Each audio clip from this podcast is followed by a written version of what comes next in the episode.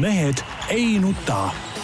selle eest, et mehed ei nutaks, kannab hoolt Unibet, mängijatelt mängijatele tere kõigile, kes meid vaatavad ja kuulavad, ükstapuha mis ajal ja ükstapuha millistest viinatest, Mehed ei nuta eetris.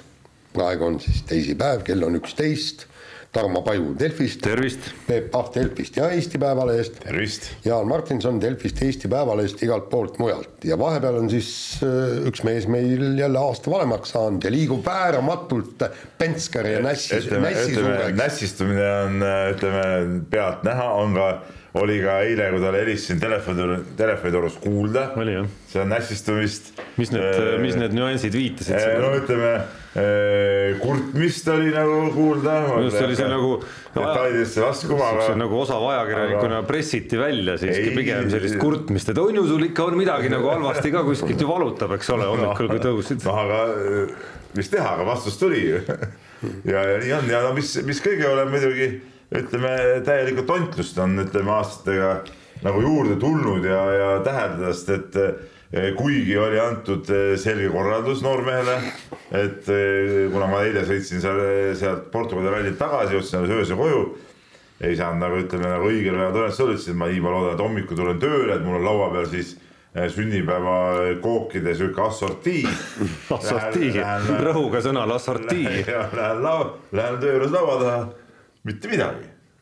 ja kaks varianti, kui Jaan oli enne mind kohal täna, kas Jaan sõi kõik ära sealt no, või, või Tarmo mitte midagi. kontrolli, tee väike habemeproov ära ikkagi, et äkki tuvastad mingisugused jäägid sealt. kahjuks ma olen ka pettunud, et no, ma ootasin torti, et, et. tegelikult on asi, asi muidugi lihtne, et ma olen nii palju näppu lõiganud, noh, kui me siin juba sellele rajale läksime, et siis noh, suhteliselt selline tavaline Äh, case on meil siin Peebuga teinekord pärast saadet näiteks või ka mõnel muul päeval käime lõunal siinsamas lähedal kuskil Narva maanteel ja siis tagasiteel tekib mul kiusatus astuda läbi Narva kohvikust, äh, osta üks Moskva sai. üks, üks, üks sõna, rõhuga sõnal üks, nii.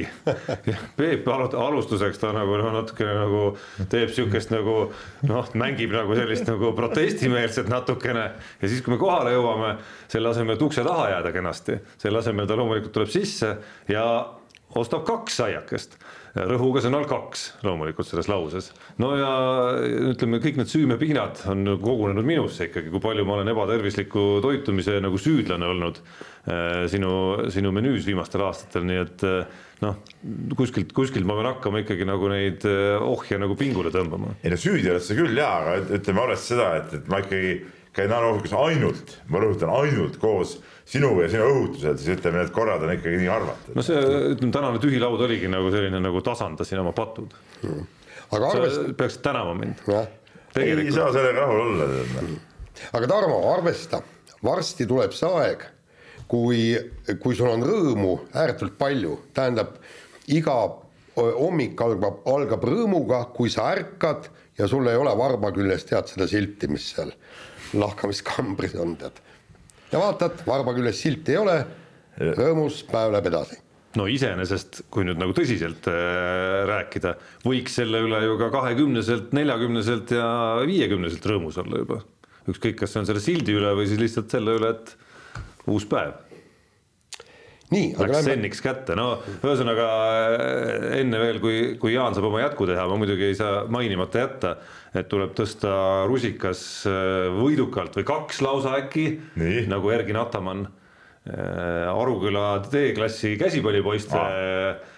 auks, kes D-klassis on kaks tuhat üheksa sünniaastaga, kes siis, kes siis tähistasid Eesti meistritiitlit nädalavahetusel aa, see ei ole minu. aa, ja, ja, see on lihtsalt teie klubi nagu, ja, ja. Aruküla klubi, kus tõsi äh,, väravat kaitseb minu õepoeg. ei no kui nagu kiitlemisest läks, käsipall, käsipallitiitel äh, võrdubki näiteks U kuusteist poiste Estikate pronksmedaliga, mille Keila, äh, Keila poisid äh, välja võitlesid see nädalavahetus, nii et, nii et oleme ka uhked. võib kiita. tervitan, tervitan treener Markot, hea töö, eks ma muidugi andsin andsid talle kaks head poissi, keda ma olin nagu kogu aeg läbi nagu lihvinud sinna, kes selle mängu ära otsustasid, et noh, tal ei olnudki seal muud midagi teha, kui jalg üle põlve istuda ja, ja, ja vaadata, kuidas mehed nagu möllavad, aga no olgu peale, ei hakka seda, seda, sa võin sulle vihjeks, võidurõõmu pealt ära võin sulle võtma. vihjeks öelda, et sa juba võtsid, jaa, et nüüd sa võid öelda, et sa võtad sõnad tagasi, aga ma ei ole kindel, et see päästab enam. ei, ei noh, no tegelikult, tegelikult Marko sai aru küll, et et, et no tema roll oli ikka ka ikka kõva tegelikult, ei no hea töö, ütleme meil, meil peavad ammu noortes medalid saanud ja, ja tore asi võimas. ja ja näe, nii. Ei, mul ei ole mitte midagi, ma pean täna muru ma, niitma ma hakkama ja olen, kursis, et Jaan, Jaani ootab, ütleme sportliku tegevuses muru niitmine. ja, ja ütleme niimoodi, et, et see noh, minu jaoks on muru niitmine umbes sama kui nendele poistele võita Eesti meistritiitel käsipallis. Samasugune pingutus. aa, et sa tunned nagu võitjana ennast no kogu aeg. absoluutselt. Eh? nii, nii no no,, räägime. siis tahaks võib-olla laulda, aga jätan erinevalt Peebust, jätan need võimalused kõik saate ajaloos nii minevikus kui tulevikus kasutamata, et sa tead seda laulu küll sealt, tule tagasi sealt või tulen tagasi sealt võitjana, et et seda saad siis ümiseda. omaette jah. nii Peep, räägi Nii., Portugalis, noh, rallit sealt ja Ott Tänakut sult suurt jälgida öö, ei olnud. Ott kakerdas seal tagapool ja, ja rehvi purunemiste tõttu, et kas ikkagi grillitud kaheksa jalga sõid või? ei, pettumus. ütleme vaatasin seda menüüst, aga eh, ei soovinud. küll aga seda maiust sain küll, sõid? jah noh, ei, see maius on täitsa okei okay,, jah, jah. ei saa salata. Ütleme avastasin, et see oli ka hotelli hommikusöögi eh, valikus. tasuta piiramatus kogustes. piiramatus koguses, jah. no ma ütlen nii, ma ma aimasin, et noh, nagu me rääkisime, sa alt vedasid mind, ma aimasin seda. aimasid, et sa jääd hiljaks lootusetult, laud on tühi kindlasti. ja, ja siis ma nagu ütleme sealt Tegid kõik tasa juba seda. kõik tasa juba ette ära nagu. nii, aga kui nüüd spordist rääkida, siis, siis oli ikka paras masendus küll, kui sa hakkad, hakkad nagu seda võidu. ka, ka head eh, Portugali veini sai muidugi limpsitud. kas portveini või tavalist? mõlemat? seekord eh, tavalist veini aga. miks piirduda ema-kummaga, on mu küsimus, kui ikkagi nagu pärast sööki oleks hea väikene nagu dessert ka sinna vaata ma otsa. nagu ütleme, kuna ütleme, päevad olid pikad ja janu oli suur, siis ma ütleme tavapäevadel eh, võtsin hoopis õlle seal õhtusöögi kõrvale, aga siis pühapäeval, kui töö oli nagu tehtud, siis, siis sai võetud paar pudelit veini ka. üksi, ei, oma lapse panid ka jooma, ühesõnaga. jah, nii, lähme ralli juurde. Lähme ralli juurde, et üsna masendav oli, oli ikkagi vaadata, kuidas äh, Tänak kohe, kohe sinna nii-öelda. ei no päris, oota, oota, Jaan, ära, ära nüüd hakka, tähendab no.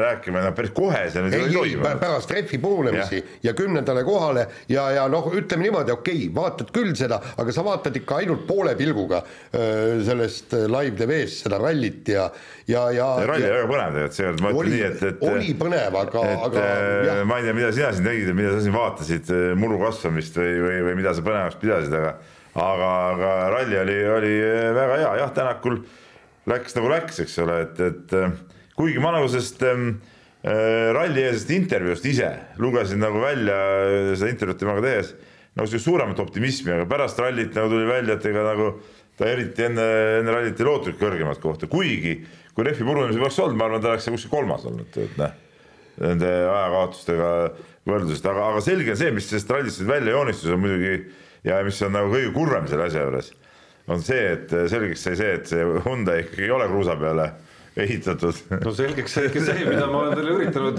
täiesti asjatundmatu ralli inimesena teile väita, et kui pilt, olgu need erilised rallid seal alguses, aga kui pilt on nagu nii palju kehvem kui teised, siis ei, ei saa seal kruusa peal ka mingisugust nagu ei, ei, ei, ei, tohutu ei, muide, muide, muide, seal oli ju terve pikk artikkel sellest oli sellest tööd, tööd FIS-is. Ja kui öeldigi, et, et, et see Hyundai panigi kõik munad ühte korvi. Ja, ja põhimõtteliselt ta öö, töötaski kruusaauto ei, aga tead, mis oli huvitav või? huvitav oli see, et ma rääkisin sellest Tänakuga videointervjuus, eks ju, Tänak ütles, et tema ei tea küll, kes seda niimoodi ütles, ma ütlesin, no tiimiboss rääkis seda, sellest optimist. Ja ma rääkisin ka Martin Järveojaga sellest äh, äh, nagu noh, nii-öelda eetriväliselt ja tema poolt ka mitte midagi kuulnud sellest äh, mingist kruusa, kruusaauto jutust, et, et, Minul et, kumas- et ma ei tea, kust kohast see tuli. Leiab võib-olla igasuguseid jutte, aga noh, tegelikult on kumanud ju kogu aeg läbi, kogu see periood, eriti hooaja, sihuke vahetu hooajaline etapp. Ja periood, see, et noh, tegelikult on nagu kõik halvasti, et, et äh, alates meeskonna juhtimisest, äh, kogu sellest vaakumist, mis seal on tekkinud ja, ja see, selleni välja, et mis hetkedel üldse konkurentidega võrreldes midagi on saadud teha. jah, ja nagu Ott Tänak, kui, kui seal tõesti vist oli Laive vees või kus kohas küsiti, et mida on vaja muuta, ta ütles kõike. Et, et nojah, see, see ongi, see olukord ongi selline, et et eks see kala hakkab ikka peast mädanema ja, ja eks see kogu see, nagu ta ütles ka seal meie intervjuus, et kogu see tiimi äh, struktuur ja see kõik on, on nagu praegu noh, nagu seal on mingid jamad sees ja, ja, ja nii ongi noh, et ega see, see tiim ei tööta korralikult ja tänu sellele ei ole korralikku masinat ja, ja, ja, ja noh, ja see, et see masin tõesti on nagu kehva, seda näitas ilmekalt see, äh, kuidas äh, siis Tanis Ordo pidi, ütleme, kes on väga hea sõitja sihukestes oludes pidi otseses mõttes niimoodi kivist vee välja pigistama, et et Akamuta Katsutast eh, lõpuks ikka kuidagimoodi mööda saada, eks ole, no see, see ei ole nagu ju normaalne tegelikult, et noh. et ja, ja Sordo eh, kaotab, eh, ilma et tal oleks olnud mingeid väga suuri probleeme, kaotas ajaliselt nii palju esimestele meestele, eks ole, sai kolmanda koha kätte, aga seal oli kaks minutit oli, oli, oli vahet. et, et see, see ei ole ka nagu, nagu okei okay ega normaalne mis kõige kurvem, tuleb kohe Sardiinia ralli ja ongi huvitav, et noh, jälle koht, kus ütleme siin, kas Sordod ja, ja ka Tänak väga kõvasti on seda sõitnud, väga hästi peaks seda suutma sõita, aga noh, kas nad nüüd suudavad selle lühikese ajaga midagi teha, noh, Tänak jäi nagu suht tagasihoidlikuks, et selle ajaga ei jõua eriti palju teha noh, teisalt jälle no, no midagi nad ju mingit infot nad nüüd ikkagi said sealt Portugalist, mida sinna üle kanda. no jaa, aga, aga sinu intervjuus minu meelest kõige hullem lause oligi see, et, et sinu küsimusele, et noh, et ka, et, et mida kõik muuta, siis ta ütles, et me teame, mis on viga, aga me ei tea, kuidas seda kuidas parandada. ja, ja, ja, ja kui ei ole eh, tiimil teadmist, mida me peame nüüd tegema selleks, et need äh, vead korda saaks see on ju kõige, kõige hullem variant, sa ei tea, kuhu suunas minna, sa lähed vales suunas, läheb asi veelgi hullemaks, kuigi noh, seal ega, ega enam suurt erilist vahet ei ole. ja, ja palju õnne Toyotale, sõidab nagu kulda, noh. no Toyota sõidab tõesti nagu kulda ja, ja, ja ütleme, Rompera ja Evans olid ikkagi, ütleme kiiruse poolest noh, olid teistest selgelt üle, okei neil ei olnud ka probleeme, noh. Et, et kõigil teistel ju tekkisid mingisugused probleemid, neli meest, kellel probleeme polnud, need olid nagu omaette klassist ülejäänud sellist tagapool. kuigi oli üksikute kiiruskatse, tänaks sai ju ka kaks kiiruskatsevõitu vist ja, ja üksikutel katsetel ikkagi suutsid nad ka kiiresti sõita, et, et mingites oludes see auto oli sobiv, aga, aga mis, mis mul jälle sa ütlesid see, et, et me ei tea, mida, mida muuta, jah.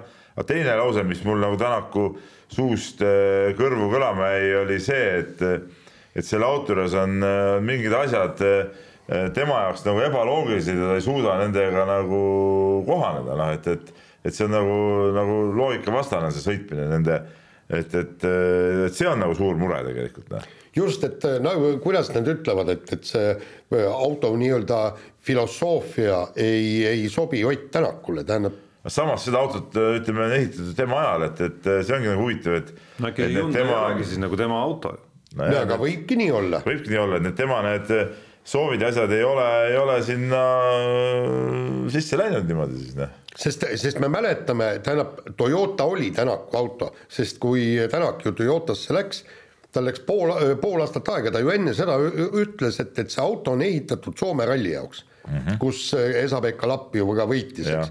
et sisuliselt ühe ralli jaoks, kiirete kruusarallide jaoks. nüüd tuleb ta ehitada nii, et ta oleks võimeline sõitma kõikidel rallidel.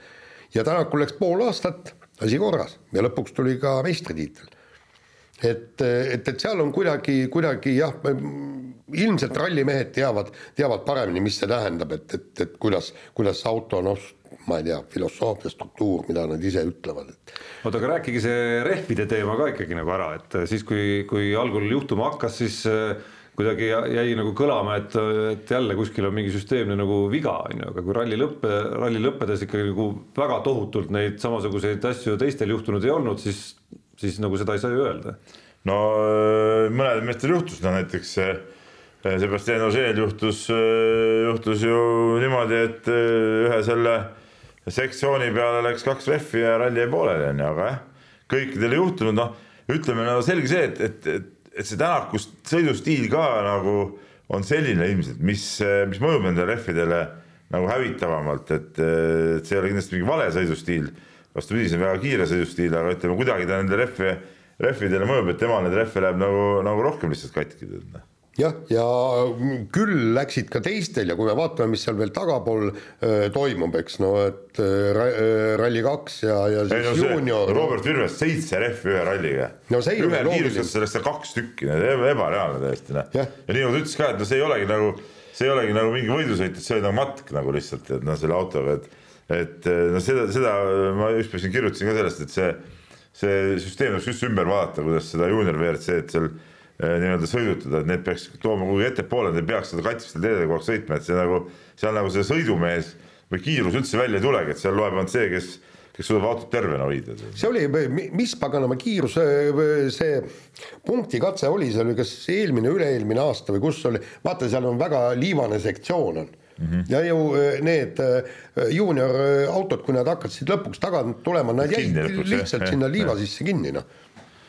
oota, aga üks märgiline, kui me WRC-st veel räägime, üks nagu märgiline tükikene vajaks ju veel analüüsi, et okei okay,, Toyota on peaaegu üle, see on nagu selge ja, ja noh, vaevalt see nagu hooaja vaates mingit revolutsiooni siin nüüd äkitselt toimub, et kui seda nüüd, kui see pilt nagu sellisena avanes esimesel kruusarallil, siis eh, noh, kuidagi ei ole nagu loogiline, et siin väga kiiresti need asjad äh, ümber tehakse ja, ja kaalukausid pöörduvad, aga Toyota sees Kalle Rovanpera ja Elfin Evans tundub nagu ka nagu selge värk. no tundub, et Kalle Rompera on äh, järgmine Sebastian Ogier või Sebastian Loeb, noh et, et, et mees lihtsalt, lihtsalt ongi nii kõva juba, kahekümne aastat ta ta praegu on võitnud järjest kolm erinevat äh, rallit, eks ole, lumel, asfaldil, kruusal. Ja, ja, ja võitnud väga kindlalt. Nüüd kruusaralli mees alustas esimesena, startis, oli avapäeva järel teine ja siis teisel päeval tõmbas ennast esimeseks ja viimasel päeval vormistas lihtsalt külma kõhuga äh, võidu ära, et, et ta ongi, ongi nagu nii kõva, nii nagu Latval ka ütles, et, et ta on selgelt teel nagu maailmameistritiitli suunas ja tegelikult on nagu raske näha, et kes või mis hakkaks seda üldse lähiaastatel ohustama, sest et äh, no mille põhjal me peaks arvama, et nüüd ma ei tea, keegi teine hakkaks järsku hüppeliselt äh, kiiremini sõitma no. No., mille, mille, mille pealt ei, kui ainult kellegi auto läheb paremaks kui Toyota auto Või- aga, aga Toyota auto tundub, et on praegu nii hea, et sellest äh, väga palju paremaks minna no, saaks alustuseks nagu sama heaks ja, Jah. ja no, oleks huvitav vaadata, kas äh, Ott ja Terrine Vill suudaks nagu sel juhul nagu vastu hakata või mitte. ei minu, minu meelest suudaksid nii äh, Tänak kui Neville, kui nad istuksid ka Toyotas, kolmekesi Toyotas no no., aga Evans ei suuda ju näed, ei, Evans ei suuda. aga Evans ei ole kehvem sõitja kui Neville, kindlasti no mitte.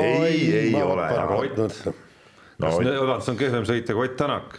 ma arvan, et kehvem, ma arvan, et et kehvem kui paremate päevade Ott Tänak ja ma ei tea, kas, kas ta on kehvem kui praegune Ott Tänak. ei, aga va- siin ongi parimad, andke talle öö, mugav ja hea auto ja ta ongi paremad päevad, seal po- pole küsimus ei vanuses ega milleski muus kui selles, et ta, tal ei ole vastavat autot. aga no üks suur küsimärk on veel rallimaailmas muidugi on äh, selline tiim nagu M-Sport, kes äh, ma ei tea, ma ei saa üldse aru, millega nad tegelevad, et et neil on päris hea auto, tead, seda tõe- tõestas äh, Sebastian Loeb võitis Monte Carlos, juhtis siin seda rallit, eks ole, alguses noh, katke, okei okay,, tegi seal vea, katkestas see selleks, aga jälle, et auto on okei okay,, sellega saab kiiresti sõita.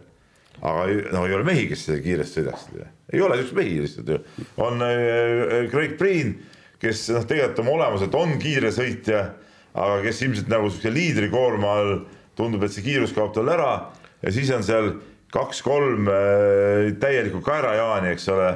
siin Greensmith siin kujutas küll ette, et hakkab poodiumile sõitma ja nii edasi, noh no ja nad sõitsid tema ja Lube ja nad korra sõitsid päris kiiresti isegi siin, aga no seegi seda tervet rallit sellist tempot ei hoia ja seda see ralli näitas ka, et noh, tegelikult neil puudub nagu selle hea auto juures neil puuduvad head sõitjad, noh. Mis on nagu arusaamatu, et mis kuradi mõttega seda autot ehitad nii heaks, kui sa, kui sa kedagi sinna rooli ei taha panna. noh. ei, aga absoluutselt no ja mingit täielikke suvalisi vendi võtad sinna sõitma, noh.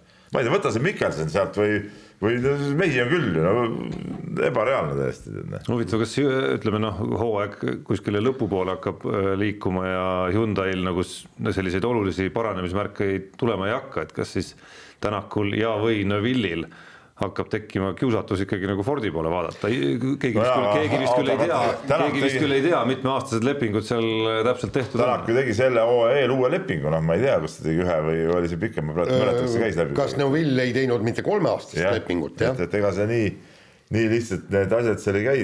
no jaa, aga, aga, aga seal peab olema mingisugune võimalus lahkuda, sellepärast kui sa pead tõesti sõitma saaniga ja, ja sõitma nendele ei no küsimus on rohkem selles tegelikult, et kas see Hyundai tiim üldse plaanib pikemalt jätkata. et no. kui see kõik on nii ligadi-logadi ja asjad ei õnnestu, noh äh,, miks see Hyundai peaks üldse huvitatud seal seal siis äh, raha nii-öelda kühvliga ahju ajama, kui, kui seal midagi ei toimu tegelikult. jah, nad ei võida midagi. nii nagu, nagu Tänak ka ütles, eks seal no mingit autoarendust ei toimunud, kõik see tehti kuidagi niimoodi nagu üle jala ja, ja üle põlve, et, et äh, see seis on selles suhtes on muidugi väga, väga imelik. ja, ja praegu läheb kuuskümmend kuni kaheksakümmend miljonit aastas lihtsalt läheb, läheb rahulikult ralli peale, kust mingit tulemust ei ole. vaata, saaks kasvõi võitleks tiitlite pärast või kasvõi meeskondliku tiitli no,. meeskond kaotad ka juba kalendriga nelja no, etapi järel. Ja no korra hüpates sinna Rovanpera teemasse veel nagu tagasi, et, et kui see lööbi ja Ogier võrdlus siia, siia panna, on ju et Rovanpera on kahekümne ühe aastane, et kui see tõesti nagu niimoodi minema peaks, siis ta, siis ta alustab oma seeriat ju ütleme üheksa aastat varem, kui seda Lööb ja Ožeer tegid, kes kuskil kolmekümneselt või kuskil sealkandis nagu hakkasid oma tiitlivõitude jalaga nagu pihta, et siit võib tulla nagu veel nagu lööb või Ožee ruudus ju. jaa, aga, aga, aga see ongi ohtlik ja, ja, ja, ja tegelikult ütleme niimoodi no,. kuigi, kuigi seda on vara veel muidugi mm -hmm. rääkida, et esi, alustuseks tuleb see esimene ära võita veel. jaa, aga, aga see vanus ei maksa selles mõttes mitte midagi, et, et tema oli oma üheksateistkümnendaks eluaastaks saanud sama palju kogemust, kui, kui oli all lööbil ja oli all Ožeel yeah.. ja, ja, ja, ja veel kord selleks, et äh, Rovanperele vastu saada, peab seal kõrval olema täpselt sama andekas mees, keda on täpselt samamoodi trillitud ja treenitud aastaid. Oliver Solberg, noh, tema on. ei saa sõitma ennast kuidagi, ei saa sõitma, sõitma, ainult, äh, ainult üks Äh, käkkimine ajab teist taga, ega nüüd seal samamoodi jälle, sõitis selle WRC kahega, aga, aga ei tulnud midagi välja. ja, ja, ja, ja, ja veel kord toon siia sisse, ma olen vist siin saates juba öelnud seda, aga, aga kui tema kuulus mänedžer ütles, et ei tegelikult ei tea, mida teeb öö, Kalle Rovantera noorena. Ja ta ütles niimoodi, et ega kergejõustiklane ei arene ju võisteldes, ta areneb treenides ja te ei tea, kui palju äh, ta, ta on neid autosid testinud ja nendega sõitnud. ja vaata, kui seal arendati seda äh, Škodat omal ajal, seda WRC kaks Škodat, siis oligi, äh, see Kalle Roandpera läkski seal lihtsalt autot seda testima, arendama, arendusteste ja seal ta kuskil ühes intervjuus ütles, et ta vist pani ka, kas kaks või kolm päeva täiesti hommikust kuni pimedani täiesti oksendamiseni välja. et kogu aeg sõidab, noh no see ongi loogiline, et, et et ega see rallisport ongi, jääb sihuke mulje nagu trendi nagu ei teegi, eks ole, aga, aga ikkagi tippu jõudmiseks, no sa pead ikkagi nende testisõitudega ennast nagu vormi ajama, noh, sa ei saa niimoodi. no ütleme see, mis, mis võis ka näiteks Sordole mõnes mõttes saatuslikuks saada, üks asi on see auto, teine asi on see, et et noh, ta polnudki sõita saanud praktiliselt selle autoga no,, noh, et nüüd on juba teised sõitsid juba neljandat etappi, tema alles istus, tema jaoks kõik uus, eks ole, ma ei tea, palju ta ühe testi sai teha ja ja kõik oli täitsa uus onju, et noh et nüüd võib-olla näiteks seal Sardiinias võib natuke paremini välja tulla tänu sellele. aga vahetame teemat ja läheme teise tänase saate suurema teemaploki juurde kindlasti, mis on äh, korvpall ehk äh, kevad on see aeg. alustame kodustest äh, jõuproovidest ehk siis kodusest korvpalli meistriliigast, kus draamat on olnud kõvasti, aga lõppkokkuvõttes Pärnu Sadam kaks-null finaalseerias peal ja ja võimalus, mis ta nüüd neljapäeval jah ja. Võimalus neljapäeval kindlustada endale ajalooline meistrikuld. no ma olen mõlemat mängu näinud niimoodi tükati, olles selle ralli, rallilainel ja, ja, ja eile lendasin tagasi parajasti sel ajal, kui, kui mäng käis, pärast vaatasin, kerisin sealt natuke läbi seda. Äh, jah, et ega see on selles suhtes on see, see paar iseenesest oli minu silmis sihuke natuke ettearvamatu, kus äh, mina ei osanud küll nagu kummalegi poolele selget eelist anda tegelikult, et kumb kumb on kõvem, kumb ei ole, aga see, kuidas Pärnu praegu ilma oma liidri Gilbertita on suutnud, no tegelikult ka esimeses mängus seda praktiliselt sisuliselt ei olnud, et on suutnud nagu hästi mängida, on, on muidugi imeks, imeks pandav, et, et äh, ma väga imestaks, kui neljapäeval see asi Pärnus otsa saab.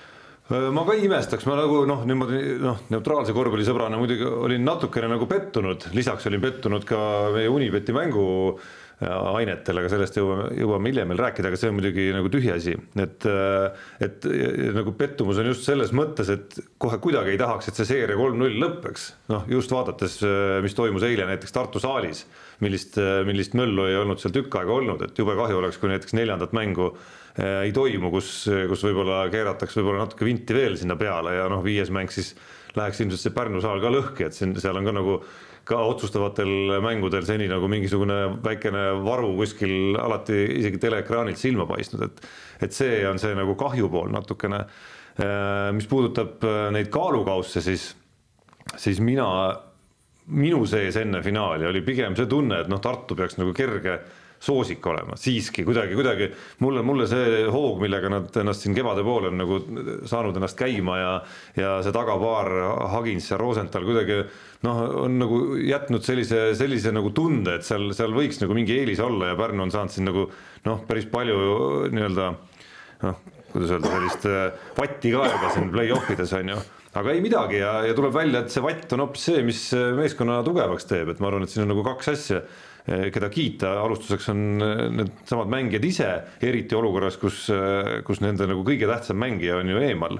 ja teiseks ma arvan, et ka tuleb peatreener Heiko Rannulat kiita selle eest, kuidas ta Pärnu satsist on võtnud nagu välja sellel hooajal juba päris mitmes kohas omajagu, tõsi jah, üks, üks tähtis mäng ju kaotati ka Eesti-Läti liiga poolfinaalis siis aga üldjoontes ikkagi on ta nagu päris hästi siit äh, noh, esiteks leidnud neid käike rasketes oludes ja teiseks, mis mulle nagu eriti meeldis, oli eilse mängu lõpp ja see oli ju ka Heiko Rannula nagu treeneri triumf ka natukene seal, et äh, mulle meenus natukene eelmise nädala Euroliiga poolfinaal, see oli siis äh, olümpiaakose ja, ja Anatolu Efesi vahel, kus oli ju ka lõpurünnak.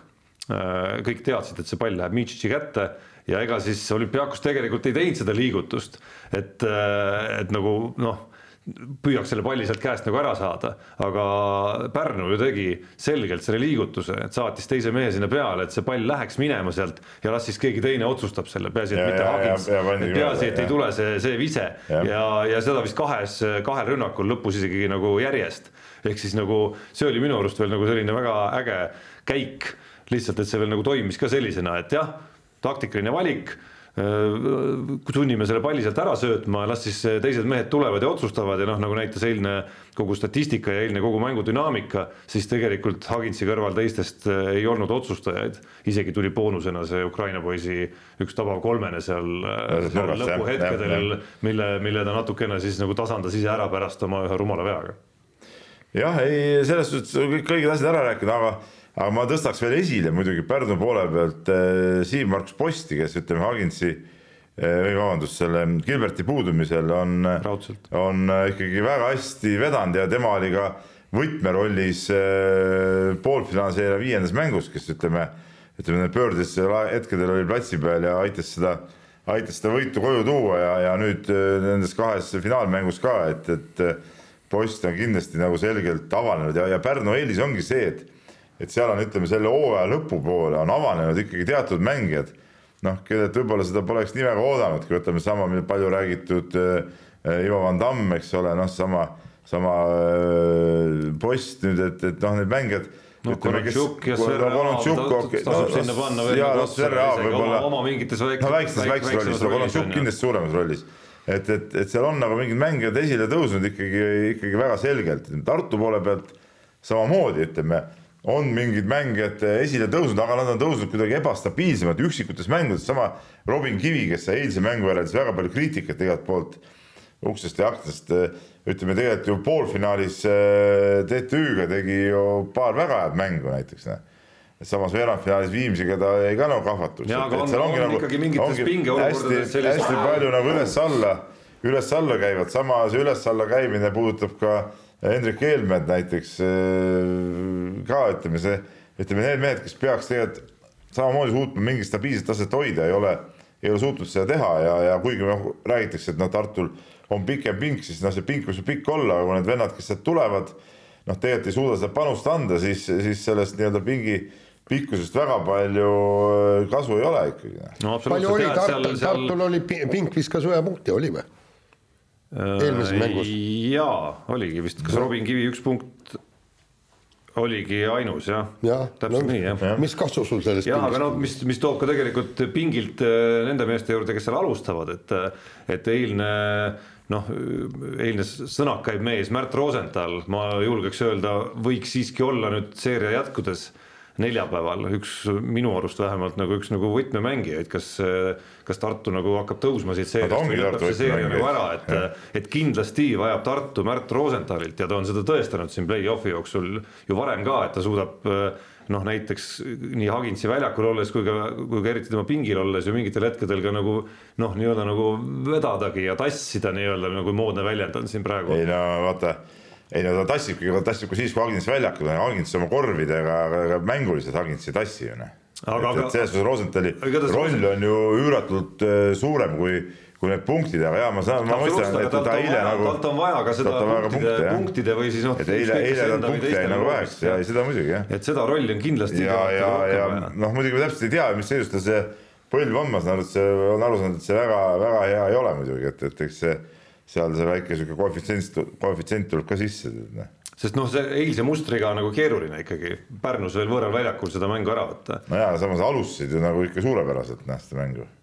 ja, ja absoluutselt, aga noh, mis on ka omaette küsimus nüüd, et see toob jälle ühe teise paralleeli Euroliigaga natukene, et. et ega see edu ei ole, see selline edu, no mul on, mul oli endal see hooaeg ka eh, siin U kaheksateist poistega oli üks sihuke mäng, väga oluline mäng oli, kus kolmanda veerandaja keskel juhtisime veel eh, ka vist üheksateistkümnega ja lõpuks eh, kaotasime viiega selle mängu. Aga see on see, natuke- ja see ongi nagu tänapäeva korvpalli sihuke nagu muster tegelikult, et see vahe see ei on- ole nagu mingi sihuke. aga see, on natuke Peeps ka selline nagu noh, vaata Jassikevitšus rääkis eh, nii-öelda tapja instinktist on ju ja noh, see, mida me visuaalselt nägime, ta rääkis seda pärast seda, kui Barcelona oli jälle seesama lugesin eduseisu maha mänginud on ju ja, ja ta on teinud seda noh, selliseid mänge on teinud veel ja terve veerandfinaalseeria oli neil selline, kus said ühe võidu kätte ja tundus, et kõik on tehtud ja siis järgmise kohe kaotasid, on ju, et et ka seeria lõpp, lõpetamisel jäi seda instinkti puudu.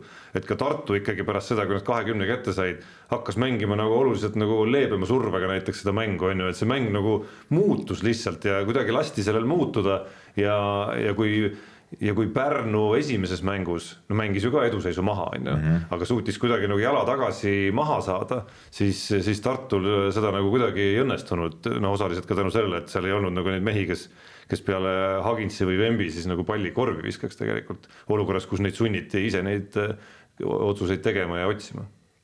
Et selles mõttes oli nagu äge mäng nagu hästi paljude nüansside mõttes oli see teine mäng nagu eriti, esimene ka ikkagi. jah, ma ütlen, kuna ma ei ole nii täpselt, vot see on teine asi, kui sa vaatad niimoodi jupiti, siis seal kõiki detaile nagu, nagu raske, raske nagu märgata tegelikult. noh. aga räägime Euroligast ka natukene. seda, see oli valus. seda.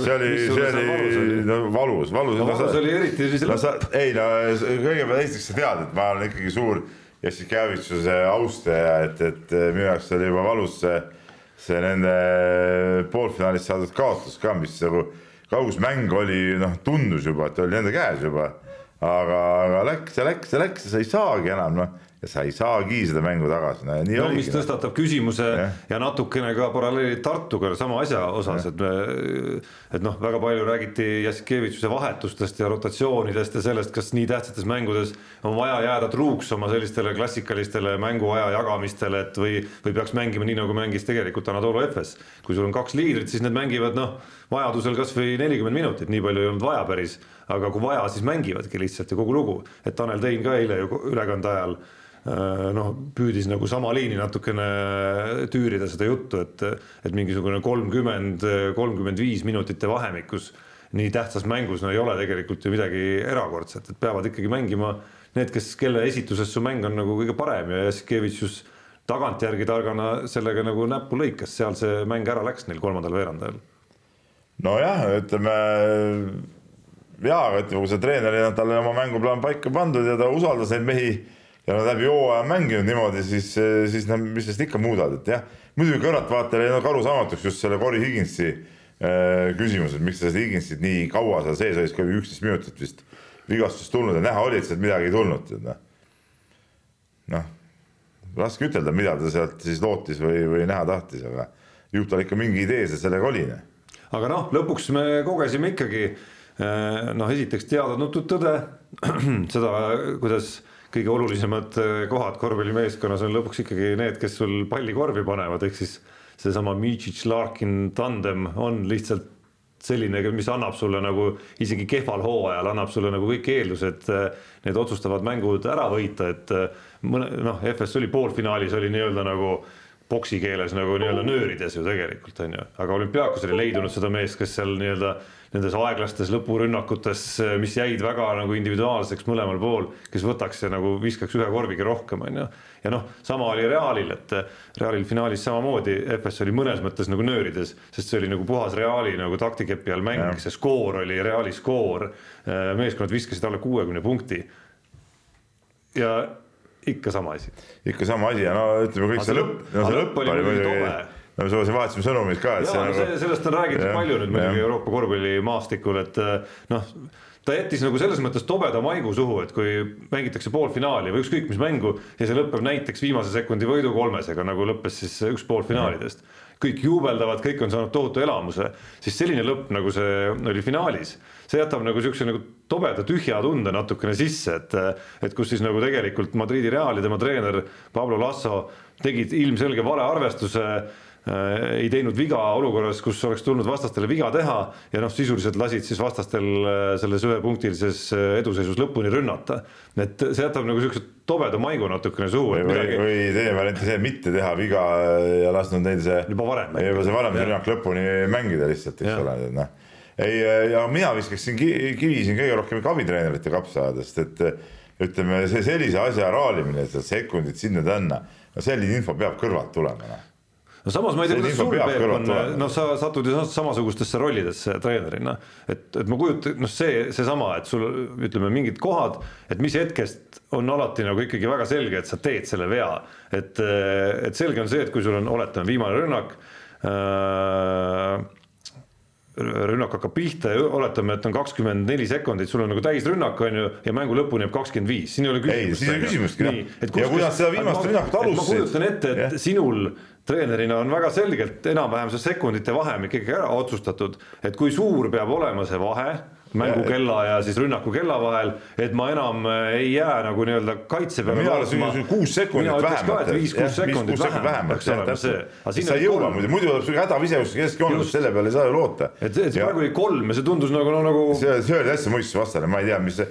ja mida see Laso seal pärast mängu veel rääkis mingit, et see, et me ei saanud seda, no oleks kätte saanud selle lauale, mis sealt no, tulnud oleks. poolelt äh, viskel oleks. see on ebareaalne, noh, et see, ma ei saanudki aru, mida, mida nad seal mõtlesid ja me seda vaatasime ka siin ühe noorema korvpalluriga koos ja, ja ei, ei saanud nagu sellest asjast nagu, nagu sotti. no kiirus kinni ikkagi, mul on tunne selle vigade virvarris, kus nad kaks tükki tegid ära, plaan oli justkui paigas, aga siis sattus, sattus see viimane viga nagu nii hilja peale ja see vahe jäi nii väike ja siis kuidagi ei orienteeritud ümber, et uskumatu, et sellisel tasemel sellises klubis kõige suurema.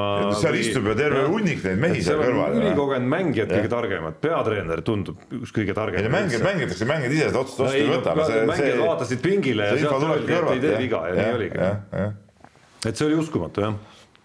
nii on jah. no sellest võiks, sellest kõigest võiks rääkida veel, noh tegelikult üks küsimus, mida tahaks panna püsti, aga aga ilmselt peaks saatega edasi minema, on selline nagu hästi põhimõtteline nagu treeneri filosoofia küsimus, et kuskil on selline Ergin Atamani moodi tüüp, kes finaalis ei võtnud ühtegi time-out'i isegi ise, olid ainult need TV time-out'id. Ja kelle filosoofia, olles küll niisugune karune tüüp, aga samas ka showmees, on ikkagi selline natukene ameerikalik, selline nagu treener, manageerija, mängijad vastutavad äh, noh, ütleme, neil on nagu vastutus ja vabadus justkui nagu koos on ju, ja siis on see teine äärmus, mis lõpetas selle Final Fouri kolmandal kohal, sinu suur lemmik, kes on siis selline nagu noh, järeleandmatu vana noh, pigem Serbia kooli selline nagu noh, kohati talumatu selline detailide ülinõudlik eh, nõudja, tampija, isegi siis, kui sul väljakul mingid asjad lähevad hästi samal ajal, siis tal on alati kellelegi viiest öelda midagi, mis ikkagi läks valesti, on ju. ja noh, selline ikka hoopis teine kontrast on ju, me ei jõua sinna vist pikemalt laskuda, aga ühel päeval tahaks natukene kuulda treener Peep Pahvi mõtteid, võib-olla näeme kunagi suurel areenil, kumba tüüpi siis Peep esindab. vist ei ole küsimust tegelikult. nojah, vist ei ole jah. nii, aga lähme edasi jalgpalli peale nüüd ja, ja äh, tore jalgpall oli ka laupäeval ja väga pingeline, väga tähtis mäng. Eesti siis äh, karikafinaal, Tipneri karikas, ametlik nimetus vist. see pisike oli see karikas, kuidagi na- nadi nagu välja no jaa, aga no kuule, sa ei saa ju teha suurt karikat, kui, kui, kui riik on väike. no seda küll. nii ja, ja siis, kus siis Paide linnameeskond sai oma eksistentsi ajaloo esimese võidu ehk siis esimese trofee ja, ja, ja nii nagu ma siin eh, ükskord ütlesin, et, et Voolaid siin päästis oma, oma eh, naha või, või töökoha selle no valiku päris hästi on päästnud selles mõttes, et äh, veel pidi navigeerima ju Paide finaali ka kuidagi, ega see nii lihtsalt ka ei tulnud. Ja mis oli veel eriti sümpaatne, oli see, et äh, lõpuks oli küll kogenud, aga Paide oma poiss, kes selle, kes selle võiduvärava lõi, et et selles mõttes nagu niisugune mõnus tuhka-Triinu lugu Paide jaoks. jaa, aga tegelikult, kui me vaatame seda mängu, tähendab, ma vaatasin ja, ja noh, ütleme niimoodi, jeeli-jeeli püsisin ärkvel, et, et, et, et see, see on kuidagi niimoodi, et need, need, meeskonnad mängivad niimoodi, et, et noh, põhiliselt, et, et, et mitte endale sisse lüüa, samas on noh no karikafinaal ongi selline, see ongi tähtis mitte lasta endale lüüa. mis, sa lootsid sealt mingit õudset tulevärki või? aga miks ei oleks võinud olla? ei ole finaalid tavaliselt sellised, nii, no. Noh, vaatame siin mõned poolfinaalid, meistrite liiga poolfinaalid. no. See ikka, ikka seal huvatakse väravaid ja kõike, aga see selleks, noh, ja me, meie mängijad ei ole ka ju selles mõttes, nad ei ole niivõrd osavad ja ja ägedad, et, et, et, et suudaksid nagu ka individuaalselt või seal kuskil söötudega midagi, midagi teha, seal ikka taotakse seda palli suht liiga palju minu jaoks, kuhu juhtub, et, et, et see noh, ei ole väga ilus jalgpall ja ja aga vähemalt lõpp, ütleme niimoodi, kui hakka, hakkame nüüd pihta üleminutitest ja kui see äh, penalti tõrjumine oli ja mis viis mängu lisaajale, noh, sealtmaalt äh, oli, oli päris äge vaadata, aga no ma muidugi jälle mängijast ei saa aru, et et lüüa täpselt väravavahile kõige mugavamale kõrgusele see pall, et äh, ja, ja no veel mitte nii väga nurka ka, et. See on muidugi hea, et Jaanil on alati nagu väga selge see asi, kuidas, kui, kui lihtne on tegelikult alati ei, õigesti aga ongi, ongi, tegelikult on lihtne. aga ma ei tea, ma, ma ei tea, miks ei ma vaatasin, no see on sama ajal ju see, see oli nüüd selle jalka äh, Euroopa liiga finaal oli või? see nädal, eks ole mm. -hmm. ja, ja seal äh, hotellitoas televiisoris siis seda lõpu, nägi selleks ka penaltide peale Jah. ja seal ka eksiti niimoodi, et, et noh, lõi kõksti sinna keskele väravat, tõrjus jalgadega ära ja Jah, oli kogu muusika. et, et mina mäletan, kui mina omal ajal noh, midagi lihtsamat ei ole, kui Akslule penalti sisse muidugi lüüa, see on ka selge. Oli nii, jah. no tähendab noh, peale viiest neli jälle. miks sa kõik, mis sa viiest viis ei löönud no ma ei tahtnud väravahti häbistada nii palju, et, et, et viiest neli ütleme lõdva, lõdva randmega, nagu öeldakse, või lõdva varbaga. noh, ei olnud mingit küsimust, kõik olid, ütleme täpselt eh, nagu mõõdetult eh, õigetesse nurkadesse, seal Aksal ei jõudnud nagu liigutadagi, et ma ei, ma ei saa üldse aru, mis probleem. ja, ja, ja see oli siis see aeg, kui me ko- kord nädalas vist käisime jalgpalli siis me ei käinud vist üldse enam tead noh. ja või, või siis enam ei käinud aga no ütleme, see vana põhi on all, see põhi on kõvem kui need praegustel meistriga mängijatel, ma arvan, tead noh, hoovi jalgpalli põhi. võimas. võimas, ma praegu ära ei löö ja me lööme ära, mingi sportlik huvi on eh, noh, niimoodi jääda kuulama lihtsalt ja lasta teil nagu jätkata samal liinil, et kuhu te nagu välja jõuate selle oma kõvaduse nagu mis näideteni nagu. No aga see oli väga hea näide minu arust, siin on nagu umbes nelja minuti ja viiekümne sekundi küsimus, millal te olete juba praegu Eesti koondise nagu küpsed Ei, tegelikult juba täna noh, oleks vaja, lähi San Marinoga mänguks. ei no näiteks ma võin tuua näite, ma kaks aastat tagasi või kolm aastat tagasi olin äh, poistega laagris seal mm, selles nüüd noh, Kilingi-Nõmmel ja no seal oli, oli Kilingi-Nõmmel vist jah, ja, ja, ja seal oli mingi jalgpall kohalikega tehti jalgpallimatš meie ja kohalikud tead noh, nii ja, ja siis noh, me mängu kaotasime, siis mõeldi, noh teeme lõpus penaltiseeria ka tead noh. no loomulikult vanameister läks ka lööma ja lati, lati põrkest ilusti sisse. Ja sihitud lati- sihitud lati põrkest, sellepärast et noh, et väravahti see jumbu seal, no see ära ei tõmbaks sealt lati alt, et noh, noh, mis see lihtne kõik, mis üheteist meetri pealt, kurat, värav on üheksa meetrit lai, oli üheksa meetrit vist on ju Jah.. üheteist meetri peal üheksa meetrit väravast lüüa, nüüd keskele, kurat, tere hommikut, nii oota, mis me pidime jalgpallist rääkima, et äh, sai läbi jalgpall või teema? jah, sai, võtame oota, järgmise. aga oota midagi ma tahtsin veel.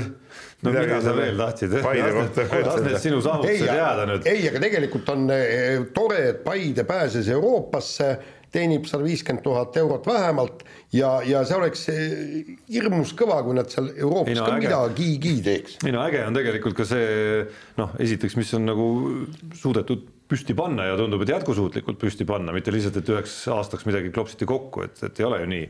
ja teine asi, mis on äge, ma arvan, et seesama, kellest sa alustasid, Karel Voolaid, et ta on nagu sellist pidanud siin nagu sellist nagu noh, ka nõmedat ebaõnne päris palju nagu üle elama, on ju. Ja koondisega ei läinud ka nüüd just kõige paremini, et noh, ise ainult hea meel saab olla, kui üks Eesti treener saavutab nagu selliseid töövõite ka, mille pealt eh, noh, tulevikus on nagu alust, ma ei tea, kasvõi rohkem palka saada või, või teha mingeid järgmisi samme oma karjääris. mul on natuke hea meel aga Gerd Kamsi üle, sest et äh, minu lemmik jalgpalli teemas podcast'is ta on siuke nagu õnnetu mehike tihtipeale seal, et ta peab nagu õigustama neid Paide altminekuid ja siis ta seal üritab kuidagi läbi häda ennast välja keerutada, et äh, noh, nüüd ma ei ole veel eilset saadet äh, saanud kuulata, eks ole, ma täna kindlasti kuulan selle ära. et nüüd ta sai vist ka ükskord seal uhkustada, tead noh nii mehed, meil on viisteist minutit. ja no kiirelt, paar nii kiirelt äh, Prantsuse lahtised äh, Kaia Kanep, ülivõimas mäng äh, esimeses ringis võita maailma kümnendat reketit ja, ja kusjuures tulla ka kaotusseisust välja. kusjuures, et üks jätkab üllatusvõitude jada, minu arust Kanepi võit mingi üllatus küll ei olnud. ei, enam see, et, et ta võidab kas maailma esimene, teine, kümnes reket, see, see enam ei ole üllatus. Probleem on see, et, et ta saab üllatuskaotusi. see, see tõenäosus on sisuliselt nagu üheksakümmend üheksa protsenti tähendab. jah, aga Anett Kontaveidi mäng eile, noh, ma vaatasin, vaatasin seda mängu, see on Tomljan-, Tomljanovitšiga, eks ju.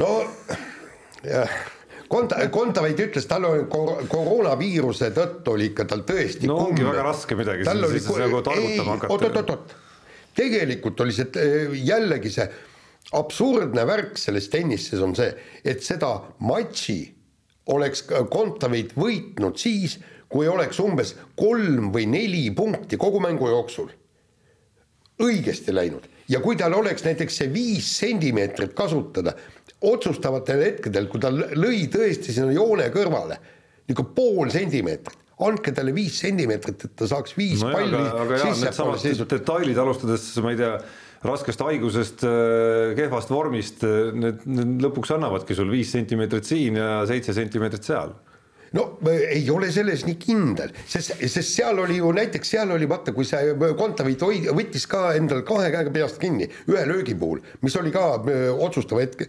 hetkelöök, kus, kusjuures nurk oli täiesti vaba, vastast ei olnud seal. ja siis ta lööb ikka, no pani ikka võimsa pommi ja muidugi lõi selle palli napilt out'i ja võttis ka kahe käega peast kinni, miks ma pidin selle pommi lööma nii tugeva sinna? pomm on kõva.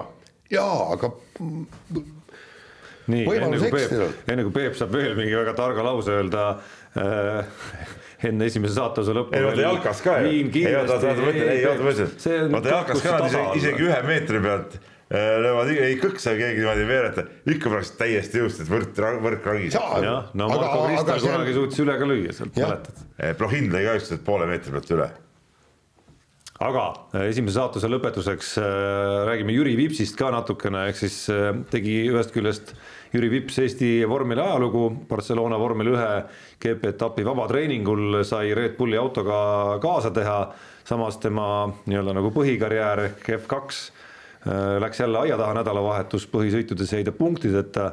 tehke nüüd selgeks, mis, mis, mis kus ta nüüd asub kogu selles Ei,, kogu selles vormel ühe maastiku äh, ruudustikus? Vipsi nädalavahetus tipphetk oli siiski ohtlik olukord, kus ta suutis kellelegi ette jääda, ma ei mäleta, kelle, kelle Russellile või kelle teie. jah, vist küll jah. et see oli ta nädalavahetus tipphetk, seda jättis mainimata praegu, et et sellega ületas ta ka rahvusvahelise uudistekünnise, nagu ma aru saan. ja no kahjuks see ka positiivses valguses ilmselt ei näidanud teda kuidagi. ja ega noh, jällegi see on täiesti mõistmatu, mida teeb siis Red Bull ja siis eh, see sõitjate eest vastut-, vastutav Helmut Marko. ei oota, oota, oota, jaa, oota, ma natuke enne sekkun, saaks No edasi sekku. ma lugesin sinu seda artiklit ja sealt ma saan aru, et Vips on kõiges süüdi pealkirja järgi. Loos juba selgus, et nagu, et, et nagu Tiim on ka ja nüüd, sa nüüd ütled, et juba Tiim on täielikult süüdi, mis siis nagu tegelikult on? ei, ei, mitte süüdi. küsimus on see, et, et Vips tõesti, ta plähmerdas jälle oma sõidu, ta on kahel etapil sõidu täiesti lambist. noh, ei olnud kedagi, alla ikka mehaanikud minu arust ju.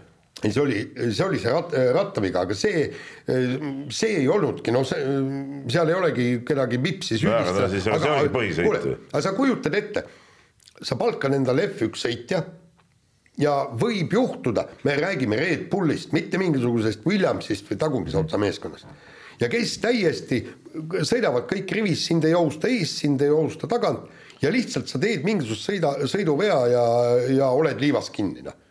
Et niisuguseid asju tegelikult ei saa, ei saa nagu juhtuda, aga samas, nagu ma olen aru saanud, Helmut Marko leiab, et, et Vips äh, on täiesti okei. okay prae-, praeguses äh, olukorras ja, ja me keegi mitte midagi ei tea, mida see Vips peab tegema ja no üks asi, Red Bullil on vaja sõitjat järgmiseks aastaks. no ma täpsustan võib-olla konkreetsemaks seda küsimust praegu, sa kindlasti oskad meist kõige paremini vastata sellele, mida on minult küsitud, kui, kui see uudis selle kohta, et ta vabatreeningul, F1 vabatreeningul sõidab, tuli, et mida see nüüd, kui kõva see nüüd praktikas on, mida see praktikas tähendab, kas see näitab midagi, ei näita midagi peale selle, et kas see- seesama fakt ise, et just teda valiti sinna sellele vabatreeningul Red Bulli autos sõitma, kas see näitab, et ta on kuskil mingis hierarhias kohal X ja ja, ja see näitab seda, et ta on Red Bulli varusõitja praegu. ütleme niimoodi, kui, kui enne vormel äh, üks etappi juhtub midagi ühe, ühega kahest, kahest sõitjast, siis istub äh, Vips vormel ühte ja läheb, hakkab seda äh, võidusõitu sõitma. Ja see oli ka põhjus, mikspärast ta äh, sõitis siis vabal treeningul, nad peavad kaks korda andma siis noorele sõitjale ja esimene kord otsustati anda siin Barcelonas. Ja teine on siis Liam Lawson, kes on siis Alfa Tauri. Täpselt, aga kuigi tema ei viibi erinevalt Vipsist, tema ei viibi F1 võistluspaikades, Vips oli Ameerikas ka kõik kohal, et e- ehk siis äh, Vips aitaks ka Alfa Tauri meeskonda nii, kui- aga nüüd küsi nüüd jätkuküsimus Mhm. ja see on juba nagu spekulatsiooni koht, et kas ta ka pärast seda nädalavahetust, seda, mis ta tegi seal vabatreeningul ja siis äh, F2 sõitudes, on ka seal hierarhias samal positsioonil? ei tea, seda ei tea, seda otsustab ainult Helmut Marko ja ma, keegi ei oska öelda, mida see mees mõtleb ja mida tema teeb. ma arvan, olulisem on see, kui, kuidas temaga jäid rahule sellel äh, vabatreeningul, kui ta seal rehvis seal mingi, rehvis, testis mingeid äh, vist oli rehv, mingi aerot või mida ta seal jaa. testis, eks ole. ütleme, kui ta selle tööga sai hästi hakkama, siis, siis ta kindlasti samal positsioonil edasi, ma arvan jah, aga, aga tegelikult neil on, Red Bullil on vaja võitjat või tähendab meest, kes suudaks äh, Verstappeni järel äh, poodiumile tulla, võtta teistelt meeskondadelt punkte eest ära ja kas Vips on see mees või ei ole, seda ei tea, seda otsustavad kõrgemad ülemused. laseme kõlli. nii, mehed, rääkige, kiire lõpp, kiire, kiire vahemäng. et mi-, mi-, mis toimub Salgirisega ja, ja mis toimub äh, Leedus, samamoodi finaali meeskond ei, ei jõudnud ja nagu ma siin välja pakkusin, nad võiksid luuserit ja karika Kale, Kaleviga äh, pärast, pärast pronksi seeriat välja mängida. ja pall on ümmargune. No ütleme niimoodi, Kaunase Salgirise jaoks on pall ümmargune, teiste jaoks on kandiline, Salgiris peab ju. Salgiris muidugi jah, et see nagu, et kuigi nad tõid ju selle Max Wittise peatreeneri kohale nagu hooaja lõpus, ma mõtlesin, et, et noh, et seal ikka mingid asjad hakkavad kohe nagu juhtuma, et see tundub nagu nii hea mees olevat. Pagan asjad läksid nagu hullemaks seal hoopis, et, et see on päris huvitav seisus on Salgiris praegu tead. noh. päris huvitavas seisus on jah, mis siit et nagu saama hakkab üldse. ja et, et kui noh, nad tõid seda treeneri nagu selleks, et ta saaks juba varem nagu pihta Jah, hakata, on ju jah., ja kui see algab nüüd selliselt, siis tekib päris huvitav küsimus, kas, kas äh, tuleb kohe uus suunamuutus otsa või, või jäädakse nagu kindlaks valitud, valitud mehele aga. mina arvan, et jäävad kindlaks, et, et me ei tea täpselt, mis, mis seal meeskonna sees on toimunud ja mis liigutusi nad üritanud seal teha, et, et, et ma ei usu, et nüüd selle, selle hooaja lõpu pealt äh, hakatakse kohe mingeid nii pikki järeldusi tegema, et äh, see ei olnud tema ettevalmistatud meeskond, poolt tema komplekteeritud meeskond. lihtsalt ta võttis mingisugused mehed, kes seal olid ja pidi nendega mängima ja, ja, ja no ega see muutuste tegemine ei ole võib-olla siis tõesti nii või mitte, mitte ei ole võib-olla tõesti, no ei olegi nii lihtne et kui ma arvan, ta kindlasti antakse võimalus nüüd ise komplekteerida meeskond ja mängida sellega, sest ta on ju treenerina ennast tegelikult tõestanud, onju. Äh, mitte küll sellel tasemel, Euroliiga tasemel mitte. euroliiga tasemel jah, aga ikkagi päris normaalsel tasemel. aga noh, selle teema tõstatusega seoses meenus mulle muidugi, et ega me Kalev Cramost ei ole ka täna saate jooksul rääkinud ja, ja Kalev Cramo langus ehk siis äh, kaotus Pärnu sadamale jäi ju tegelikult ka meie kahe saate vahele eelmise teisipäeva õhtusse. et äh, aga, aga ei ole vist see koht, kus väga pikem jutt ette võtta sel teemal, nii et ma arvan, et võib-olla see on see on nagu parem jätta järgmiseks saateks ja natuke Kalev Cramo asjadest seda, seda enam, lähemalt rääkida. et need seisud on suhteliselt segased või noh, et ei ole nagu midagi nagu otseselt teada ka, et mis nendest nüüd saab või, või noh, mis nendest ikka saab, eks ole, siis nad ikka teevad edasi, aga aga kus nad siis saavad mängida, mida saavad mängida, et seda, seda ei tea keegi praegu no eelarve koha peal kindlasti on nagu ka päris suured vahed on ju, et kas, kas jätkatakse sellises noh, ma ei tea nagu Tartu-Pärnu suurusjärgus pigem tullakse, tullakse nagu allapoole või suudetakse ikkagi hoida seal noh, ikkagi teistest Eesti konkurentidest äh, oluliselt teisel tasemel. samas selleks, et seda teha, on sul vaja ka nagu väga selget stiimulit väljundi mõttes, et oh., et VTB-d ei ole ja kas see, kas ja millise, millises eurosarjas see väljund on, seda ju ei tea, on ju kuule, me, Peep. ja kui garanteeritud see oleks, kui madalama sarja puhul? muide, mul tuli mõte, vaata ma noh, Kalev Cramol on ju võlad kaelas ja peab maksuametiga seal igast dialoog ja makse maksma. kuule, kas Keila ei saaks endale peasponsoriks Eesti Maksuametit ah.? pappi on ju kõvasti ja siis Kalev Cramo siis mõte. mitte, jah, mitte ei maksa otse mulle. jaa, täpselt jah ja. see oli kaheksakümmend kolm tuhat, see oleks, nad saaksid nime, nime sponsoriks, Keila Maksuamet näiteks. ma arvan, et ja. Äh, Jüri Ratased ja Jaanus Karilaidu, Karilaidid ei ole juba nagu käppa peale pannud eos kõikidele nendele rahadele, mis sealt kuskilt tulevad. Jüri on tore mees. no ei, miks nad keegi. ma, ei usu, et ta nagu vastu midagi seal oleks. arvad jah ja.? selge. nii äh,, jätkame korvpalliga, Kalev Cramost ja tulevikust räägime kindlasti lähemalt veel järgmistes saadetes, noh alustades sellest, et vist ikkagi küllap see peatreeneri ja no, see ajastu on, on, no, on ilmselgelt läbi ikkagi aga jätkame ka korvpalliga, sai ametlikuks uudis, millest oli juttu juba mõned nädalad tagasi ja mida tegelikult vist asjaosalised äh, noh, nagu tagantjärele on nad nüüd tunnistanud, on teadnud juba, juba tegelikult kuid. ehk siis Henri Veesaar lahkub Madridi Reali süsteemist ja liitub siis Gerg Riisaga Arizona ülikoolis. noh, kas kiidame heaks? no oma hinges ei kiida heaks, aga, aga eks siis noormees ise teab, mis ta teeb no kokkuvõttes noh.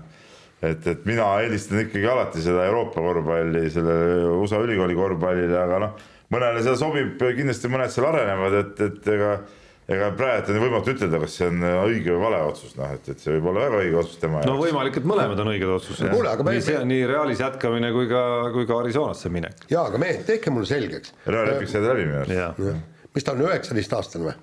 Ei, vist on kaheksateist. ta on vähem ikkagi, ta mängis U kaheksateist ju. kaks tuhat neli sünniaasta. vahet ei ole, ta on kaheksateistaastane noormees. Äh, kui ta läheb Ameerikasse, ta saab väga kõva treeningprogrammi ja ta saab tegelikult kolmkümmend äh, umbes väga heal tasemel mängu, kui ta on noh, nende mängude vääriline. mida ta Euroopas saaks, kahe, kaheksateist, üheksateist aastane poiss no esimene asi, millest see sõltub, on see, mis, mis oleks tema järgmine samm, kui ta jääks Euroopasse, kas see oleks Madridi Reali süsteemi jäämine, noh, kus on raske näha ikkagi sellist äh, esindusmeeskonnas äkitselt äh, mingisugust mängija rolli, on ju, et et see Reali jäädes oleks kindlasti näinud midagi sarnast välja, nagu ta seni on olnud. Ja võib-olla, võib-olla see on ka olnud üks põhjuseid, miks miks siis nagu teha mingisugune nagu teistmoodi liigutus, et et mitte see nii-öelda mängimise pool ei jääks sinna Hispaania tugevuselt, äh, ma ei teagi, neljas-viies liiga vist, kus nad teevad seda, pluss siis, pluss erinevad noortemängud. nii üle, nii üle, muid variante. nii üle Euroopa kui ka Hispaania, aga noh, oleks olnud kindlasti palju ka muid variante. Äh, noh, ma usun, et seda huvi ja, ja kosilasi mingisuguse pikemaajalise lepingu sõlmimiseks oleks kindlasti olnud ja on olnud ja oli ka kindlasti Euroopas ka. et selles mõttes see valikute palett on ju oluliselt nagu laiem, et noh, mina olles näinud äh, noh, viimastel aastatel ka meie eestlaste esituses ikkagi nagu positiivseid näiteid ka sealt eesotsas Mike Kotsariga ei suuda siin nagu ja ei leia nagu põhjust ka kuidagimoodi nagu kriitiline olla selle sammu suhtes. ei, ma mõtlen, ma selles suhtes, ma ei, ma ei olnudki kriitiline, ma mõtlen selles suhtes, kui sa oled nüüd neli, oota neli aastat vist seal Reali süsteemis, Reali süsteemis olnud, eks ole. et, et noh, see on nagu siin Euroopa mõttes nagu ikkagi kvaliteedimärk ju tegelikult, et kui sa sihukesest süsteemist tuled et äh, ei, ma ütlen, no see on, see on nii ja naa, noh, ütleme siin võib-olla oleks saanud kohe nagu ikkagi meeste mängu astuda, seal sa pead ikkagi nüüd öö, kolm aastat või jah, kolm aastat seal ikkagi nagu see noorte korvpalli pead harrastama, see on see vahe nagu tegelikult. neli neli aastat. või noh, sõltub kaua ta jääb sinna, võib-olla teeb esimese hooaja sellised. no esimese hooaja tavaliselt noored esimese hooaja väga ju põllule ei saa no kõige kõvemad kõige kõvemad mehed lähevad esimese aasta järel NBA-sse edasi sealt no. kas Henri, Henri Veesaar nüüd sellisel tasemel on? ei, aga soomlane see ma, see on, see on nüüd kahtlane. Markan vist Genki ülikoolis ju käis. ei, ei käis ikka. ja, ja ta läks ka pärast esimest aastat minu meelest. ja ta läks noorelt küll jah. NBA-sse, nii. Jaani, Jaani faktiväiteid tuleb alati loomulikult kontrollida, aga antud juhul tundub, et tal on õigus nii, aga mulle on siin spetsiaalselt jäetud muidugi kõige, kõige, sihuke. me kohe tundsime, et sa tahad rääkida sellest. ropum uudis ehk siis äh, Robin Ropp Skool võitis oma tiimiga tulistamismängus suurturniiri ja kambakesi teeniti pool miljonit dollarit. nii, võtame järgmise teema ei, tähendab, mind natukene imestab, kui kõik räägivad sellest, et pool miljonit, palju seal neid mängijaid on, neli või viis või neli? Äh, satsis või? jaa kas mitte isegi, kas mitte isegi kuus äkki või? no just, isegi, isegi kui on kuus mängijat, noh. kuigi ja... seal on ka klubid, et seal toimuvad ei. ka mingid vangerdused, noh, nii et ei, aga no näiteks sealt minu teada on seal ka mingi vahetusmeeste pingi moodi asi olemas. ei, aga no okei okay,, tähendab, on, on seal palju, palju seal on, ütleme viis mängijat, igaüks saab sada tuhat dollarit, noh, pole just teab mis raha. mängigu parem tennist ja, ja teenib palju rohkem turniiri võiduga, Grand Slam. aga mis siis mis siis suurem osa spordialade harrastajaid maailmas tegema peaks? ei, see raha, raha, see raha kes ühelgi, kes ühelgi võistlusega ei. sogane. ei, sa, saad aru, mis mind häirib see, et, et nagu tuuakse see, et, et mingid jorsid saavad viie peale pool miljonit ja sellest on kõik pealkirjad täis ja nad teenisid nii palju, ei teeninud midagi no,. miks te panite siukse pealkirja? ise, ise, ka, Kanepi saab sama. ise panite selle pealkirja. sellepärast, et klikk on jumal. jah, Kanepi saab äh, praktiliselt äh, sama äh, raha kokku no. juba Prantsuse lahtiste kolmandasse ringi jõudmisega ja see oleks nii lihtne teha, räägib. ei, ei, aga ei, ei, kuule lõpetage ära, tähendab raha rahaks, see pole üldse oluline see asja juures. et, et ikkagi mul ikkagi ei mahu pähe, kuidas äh, nende tulistamismängude eest üldse kellelegi midagi makstakse, et, et see on nagu see. Nad peaksid ise sisse maksma. spordiga spordiga seostada on äh, täiesti totter, ütleme noh, muud ei ole räägitud. võtame, võtame kiirelt äh, järgmise teema. muretsege, nagu kõigega siin elus viimasel kolmekümnel aastal Peep on algul protestinud, siis kohanenud ja ühel hetkel on ikkagi tubli kaaselaja. ja, ja, ja lõpuks, lõpuks äkki, äkki on hoopis võistkonna treenergi. ei e-spordivõistkonna. totrustele ma ei ole kaasa enam hakanud. mis sa arvad, Jaan, kas me näeme seda, kas me näeme seda oma eluajal, mis on nagu trend tegelikult äh, maailmaspordis ja Euroopa spordis ka, Žalgiris, väga sinu lemmikklubi, äh, Barcelona, äh, Real, neil on kõigil oma e-sporditiimid ka olemas, kaasa arvatud, ma julgeks olla kindel, et ka nendes mängudes. Nemad mängivad ikka neid spordimänge. oled sa kindel?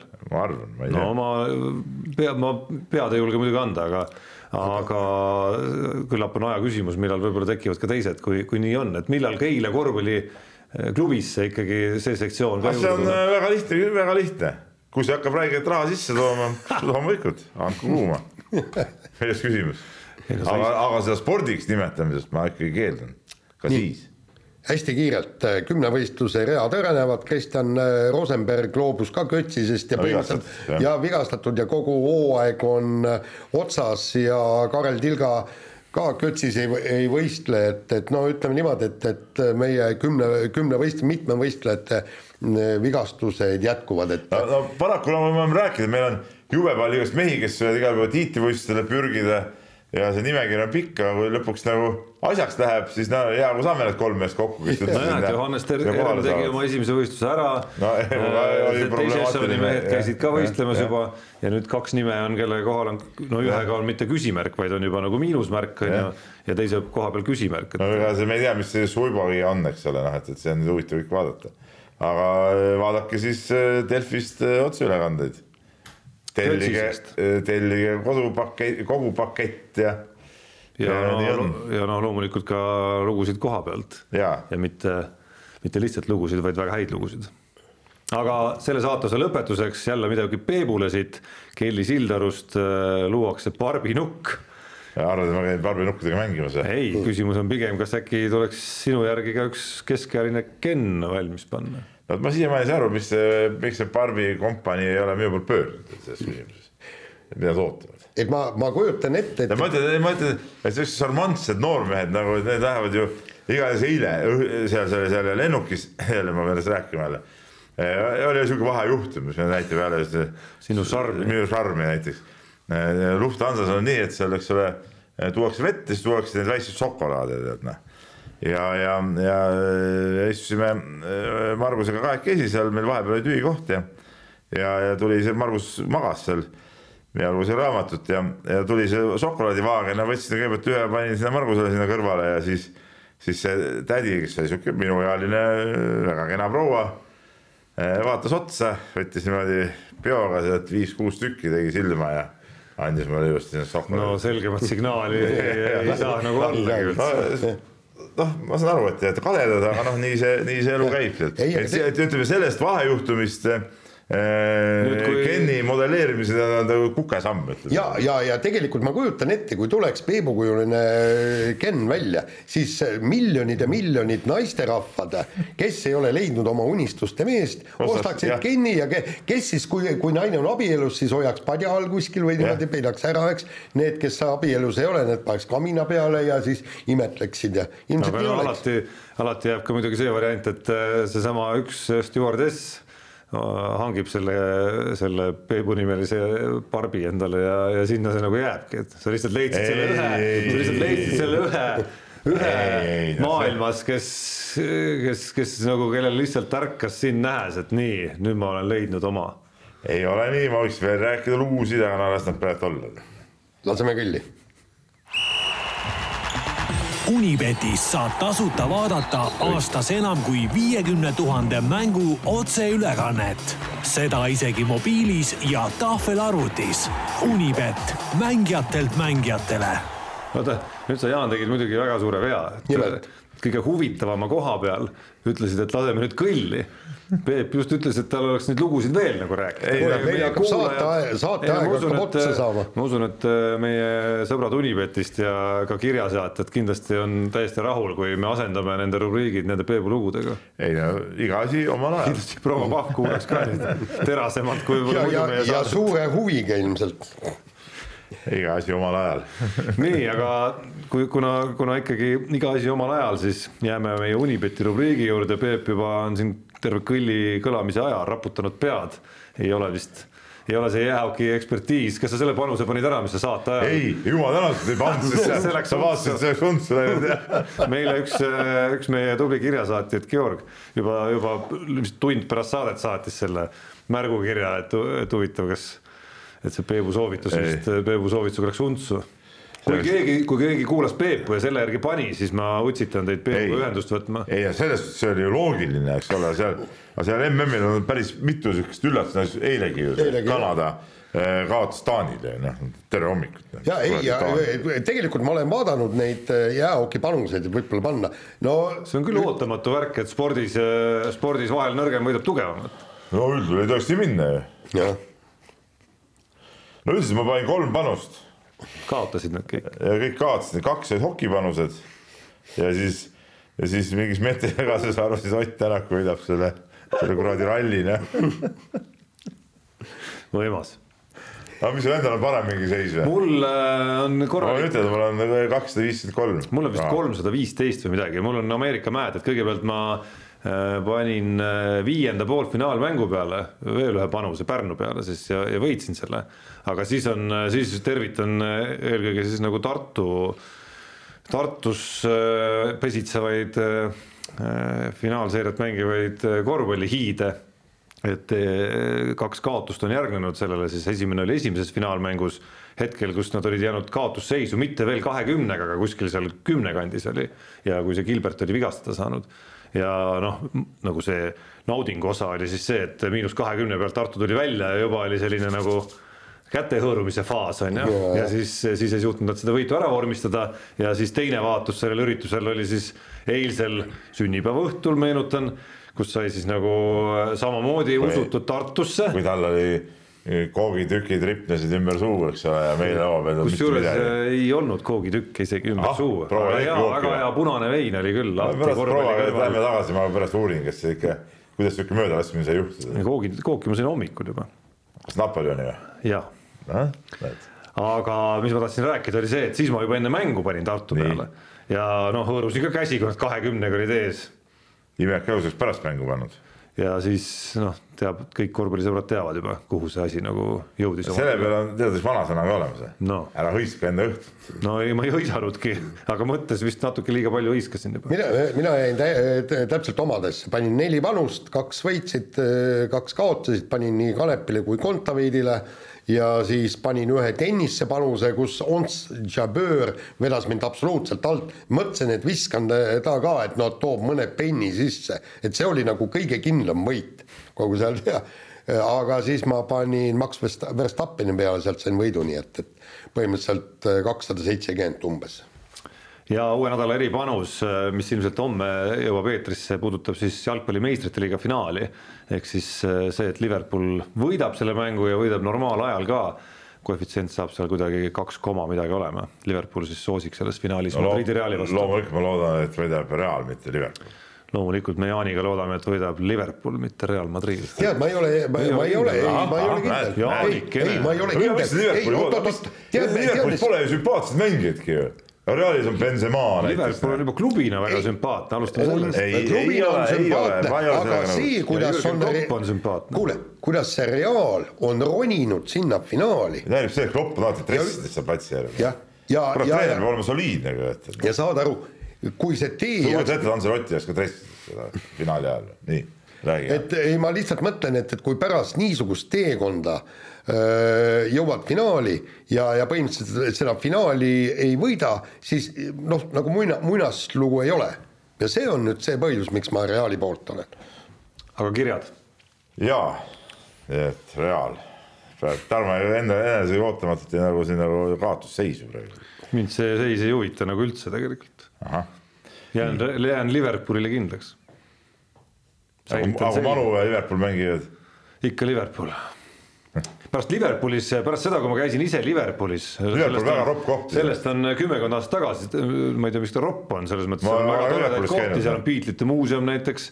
seal on ägedaid keldribaare, kus Beatles sadu kordi on esinenud oma. ja ma käisin, kuna, kuna üks aasta oli see Suurbritannia rallikeskus oli suhteliselt selle Liverpooli lähedal ja. ja siis ma sõitsin sealt peale rallipäeva lõppu, võtsin see mingi aja ja sõitsin sinna, see oli õhtu suht hilja küll. ja siis ma natuke jalutasin seal, käisin ühes eh, kohas söömas, mis oli eriti ropp, sest seal oli, kõik oli koristamata ja kuradi, mul läks söögi isugi ära seal sellepärast, et noh ja üldse tundus sihuke täiesti kole linn nagu. ei no ta on tööstuslinn. no tööstuslinn ja mul ei jätnud mitte mingisugust muljet, mitte urkaid mingit. suudad sa igas linnas ei leida maailmas. no ei no see oli täitsa kesklinnas, mis mingi urgas, see oli täitsa no koht, aga ei seal midagi. aga ei, mulle see, mulle Liverpool ei meeldinud. see ei ole mingi koht. nii, aga kirjad. ah nii, kirjad ja Mihkel Plaas kirjutab meile üks hea tore kirjasaatja. kirjutab nii, et eh, lugesin Peebu artiklit ja kuulasin veel ka Betsafe'i podcast'i intervjuud Rally Estonia korraldajaga. tundub, et ralli korraldajad ei saa vist üldse aru, mida publik rallist ootab ning FIA lihtsalt ei taha ja ei viitsi sekkuda. nii nagu rääkis Urmo Aava suure elevusega sellest, kuidas Rally Estonia reede hommikuks on kohe plaanitud sellised katsed, kus kohe hakkab juhtuma. ja mina mõtlen siis, et milleks, samas oli ka Kalev, samasugune Kalev Kruusi üllatus. tundub, et korraldajad eeldavad, et fännid tahavad näha, et kogu aeg midagi juhtub. õnnetused, katkestamised, rehvi purunemised. see ju korraks viskabki draama üles, aga toob kaasa paraku ka selle, et juba esimese rallipäeva lõpuks on hulk katkestajaid ja poodiumi võitluses on alles kolm-neli sõitjat. fänni seisukohalt on ideaalne just vastupidine ralli, kus on heas korras teed, vähe rehvi purunemisi ja vähe katkestamisi ning katsetel on vahed minimaalsed täiesti nõus. täiesti nõus jah, kujutage nüüd ette näiteks F1 võistlus, kus korraldajad aktiivselt planeeriks sõitu selliselt, et esimese kahekümne ringi jooksul oleks hulga katkestamisi ja sõit-, sõidetaks vahed juba sisse, täiesti absurdne ju. no ja absoluutselt. absoluutselt nõus ja, ja, ja, ja ma seda Urmo, seda juttu ma äh, teadsin ka, me pidime sellest see nädal kirjutama, noh, kui ta Betsafe'is juba ära rääkis, mis me täna me kirjutame sellest äh, ralli üle, uuest ülesehitusest et ähm, minu arust see on ka ju vaba, et, et milleks, mis esimesel päeval kindlasti ei ole tarvis, et, mingi hirmus action tuleb. see action võib juhtuda teisel päeval, sellest ma saan aru, eks ole. et, et, et kui on mingisugused katsed, kus hakkab midagi seal toimuma, las see olla teisel päeval, aga esimesel päeval peab see põnevus säilima. igal juhul see on ülioluline ja, ja ma siin Mihkliga igal juhul täitsa ühes paadis, et tegelikult oli ju ka praegu seal äh, Portugalis oli nii, et see avapäev oli jälle see pikk ilma selle hoolduspausita, eks ole. Ja seal oli kõige rohkem neid jamasid juhtusi, järgmistel päevadel nii palju neid ei olnud. näiteks Sardiinias tuleb nüüd teistsugune ralli. Sardiinias on avapäeval on hoolduspaus sees päeval, aga teisel päeval ei ole ja laupäeval panevad nad niimoodi, et, et päeval ei tuldagi, vot see on nagu, see on nagu parem variant tegelikult absoluutselt. et, et selle, selle Mihkli äh, mõtte kiidame heaks. no rallist veel siin ka Georg Sonne äh, kirjutab ja, ja, ja tal muuhulgas siin paar teemat, mida me oleme rääkinud juba, aga ta räägib ka sellist asja. Et noh, mida me korra mainisime ka, et kui suur on teie arvates võimalus, et Hyundai paneb hooaja lõpus pildid kotti, no seda me ütlesime No minu on. arvates see võimalus on päris suur tegelikult jah. ja ta kirjutas ka näiteid hiljutistest aegadest on olemas, minu hinnangul oleks see lõplik hoop WRC sarjale, sest ma ei usu, et, et palju neid vaatajaid, kellele meeldib jälgida, kuidas kolm Toyotat omavahel võistlevad. ka täiesti nõus, aga siin nüüd järgmine asi, et ma ise olen ehk siis äh, mõtlen nii, et äkki oleks targem muuta äh, kohe juba R5 põhiklassiks no see, see idee oli ju. ei, see idee oli ja minu arust see ei ole, ei ole üldse halb idee, sest ega need R5 autod ikkagi on ka suhteliselt atraktiivsed ju tegelikult ju noh. okei okay,, nad natuke on aeglasemad, aga ütleme, ta on odavam ja ta on, ta on ka tootjatele nagu ikkagi lihtsam variant. ja kõik tipud nendega sõidaksid, ma arvan, see andmine oleks päris, päris tihe seal tegelikult. ja, ja tuleksid siis meelde nagu need üheksakümnendad, kui sul oli tõesti, no sul põhimõtteliselt oli stardis seitse maailmameistrit näiteks ja, ja, ja, ja tippsõitjaid, noh, seitse maailma, kas eelmisi või tulevasi, eks. ja, ja, ja noh, see oleks äge tegelikult. nii ja siia lõppu, kell on päris palju, võtame Marko küsimuse veel, mis on niisugune lühike ja konkreetne. tekkis küsimus, et mis teema on Märt Rosenthali pükstega? Kas on mingi selgitus asjale? Ei no, Marko vanaaegsed ei, tussikud, aga need, tussikud. need, need, kes nagu... ei tea, siis et eh, Märt Rosenthal mängib eh, ütleme teistega võrreldes ebanormaalselt lühikestes pükstes nagu. Mis mõttes ebanormaalselt? vanasti olid ei. need, vanasti vahepeal oli aastaid tagasi, mäletad, oli see kottpükste nagu liiga pikkade pükste mood, Allan Iversoni ajastul kuskil see sulle ei meeldinud, nüüd Ei ei meeldi. Need mina- Märt Rosenthali ei. püksid peaks sulle väga mina meeldima. ei ole öelnud, et mulle ei meeldi see on nagu retro. ma ütlesin ebanormaalselt lühikesed võrreldes ülejäänutega, et nad on teistsugused ja ütleme, ma imestan, et kohtunik üldse lubavad sihukestega mängida, tead näe. et, et see, see vorm ei ole nagu ühtne, aga see, et ma ütleksin, mulle need ei meeldi, miks, mis, mina alustasin eh, me kehalistunnis ja, ja trennis kandsime, Jaan mäletab, rohelised püksid ja valge, valge triip oli siia õmmeldud, ka siuksed, et, et peaaegu no. siiasamasse, ütleme siia, ütleme tagumiku ääreni heal juhul. ei no kõ- Neid mäletan mina isegi olen ei no kõik ju mängisid omal ajal, kogu see mm, korvpalli Kalev ja, ja Viljar Loor oma, Atlas püksid olid vist, olid Atlase jah. riidest või midagi, oli mingi. Viljar Loor tuli maailmameistriks ja olümpiavõitjaks nendes trussikutes ja mingit probleemi ei olnud. siin nii, nii nagu vanasti, naised mängisid, olid vuplid olid jalas ju siuksed, tead näe. et nad nagu, no neil ei olnud üldse neid pükse nagu tegelikult ju tead näe. See on nüüd ohtlik teema, et siin võib saade veel pool tundi venida muidugi, kui lapsepõlve meenutused juba, juba ja noorpõlve meenutused tulid. ja, aga mina seda mäletan küll, kui noorpõlvest korraks rääkida, et mis nende lühikeste pükstega äh, oli, sina, Jaan, mäletad seda aega, kui vaata vanasti, ütleme Vene ajal ju keegi ei läinud ju, ütleme meesterahvas ei läinud ju linna peale näiteks lühikeste pükstega, noh see see nagu oli nagu välistatud, eks ole, sisuliselt, et noh. küll aga siis ütleme seal kuskil eh, kaheksakümnendate, ütleme teises pooles lõpus tekkis siis see, kus hakatigi nende spordilühkaritega hakati järsku ka linna peal käima, alguses oli äh, suht veider, aga siis, siis kes oli saanud mingid välismaa mingisugused need äh, püksid, siis nendega käidigi linnas ja praegu täiesti nagu ka nonsense, nüüd see on ära kadunud siuke asi. aga ütleme, siis oli siuke, siuke mood oli noh. muide äh, kiirelt üks story äh, Korraks. Kui sa oled korraks ja kiirelt käivad, ära, on ära sega ära siis Ära- jah. Nii kaheksakümnendatel pesapalliga olime Taškendis ja lühikeste pükstega meil üks noh, noorem, noorem mängija läks lühikeste pükstega turule ja siis vana, vanamehed kõik tübeteikades, halattides hakkasid irvitama dievuška, dievuška, tüdruk, tüdruk, kõik, kogu see turg näpuga näitab, näed, tüdruk, tüdruk. see vend ei teinud väljagi. siis keerati volüümi juurde. homo, homolopp, pideraas, pideraas, kõik, kõik näitavad, kogu turg näitab. Vend ikka ei teinud välja ja kujutad ette, siis tuli see aksakall, üks, üks niisugune vanem mees nagu habe, habemega ja ütles niimoodi kuule mees, kui me veel kord sind naiste riietes ja nihukestes pükstes näeme, me lihtsalt lõikame sul kõri läbi. ja, ja vot siis oli poisil oli niisugune püksid pruunid, ümber pöördturult minema ja rohkem, rohkem teda sinna. Pole, pole Eestiski käinud lühikestes enam. ei, aga see on õige, mingi, mingi kord ja distsipliin peab nagu ikkagi nagu nagu säilima, et ei saa niimoodi igaüks tuleb ja võtab. sind lühikestes pükstes elus korduvalt. ja, ja praegu, ja praegu ka, ei no mul, mul on ikka soliidsed teksad lühikesed, eks ole. jutt käis praegu sportpükstest, eks ole. ja, ja ütleme seal kultuuriruumis see, see ei sobi ju, no sa ei saa minna sinna nende kinžallimeeste vahele tead niimoodi noh.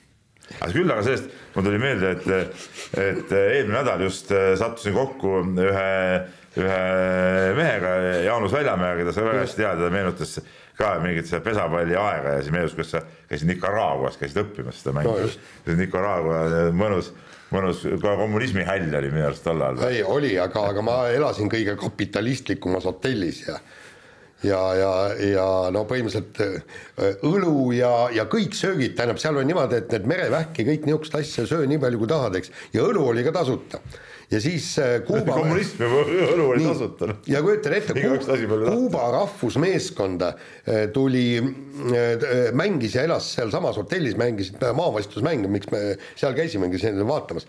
ja kuubalastel sedavõrd palju sööginaid said tasuta, aga nemad pidid õlle eest maksma.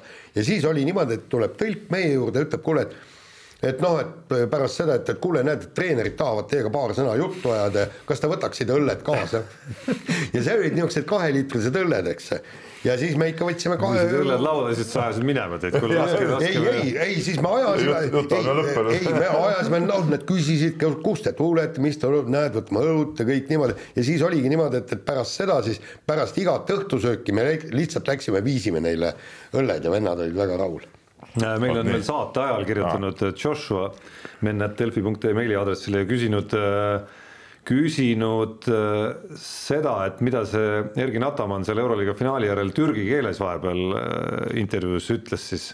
Ja minu teada, minu teada oli teemaks ikkagi Türgi rahvuskoondis, et Ataman on ka saanud ju Türgi rahvuskoondise peatreeneriks. Ehk siis tema seda šarmi hakkame kogema ka sügise poole Euroopa meistrivõistluste finaalturniiri. see on puhas rõõm. see on puhas rõõm, et äh, minu, minu teada ja andmetel kuskilt ma vist lugesin, käis ta seal mingit seda tüüpi lubadusi ja bravuuri välja seal, et nagu me mäletame Euroliigast ta hakkas, hakkas lõpus veel siukseid mõnusaid mõttemänge ka mängima ja lubama, kuidas nad igal juhul võidavad tiitli ja ja see, mida ta veel Barcelona aadressil tegi, oli veel nagu omaette võluv mõnes mõttes, et Euroopas väga tihti ei kohta sihukest asja et nii-öelda nagu ähvardusi pilduda juba enne, kui vastasseis kohal on. et äh, me raudselt maksame teile kätte umbes on ju. ei no see, ei Atamaa mulle nagu olekut jälle pungimehena mulle meeldib muidugi, noh, ta on sihuke ikka värvikas vend, mulle siuksed nagu siuksed äh, möllumehed nagu ikka nagu istuvad. nii, kuulge, aga, aga, aga aeg on kõvasti läinud ja lõpetame selle saate seks korraks ära, kuulake meid järgmine nädal. mehed ei nuta saate tõi sinuni Unibet, mängijatelt mängijatele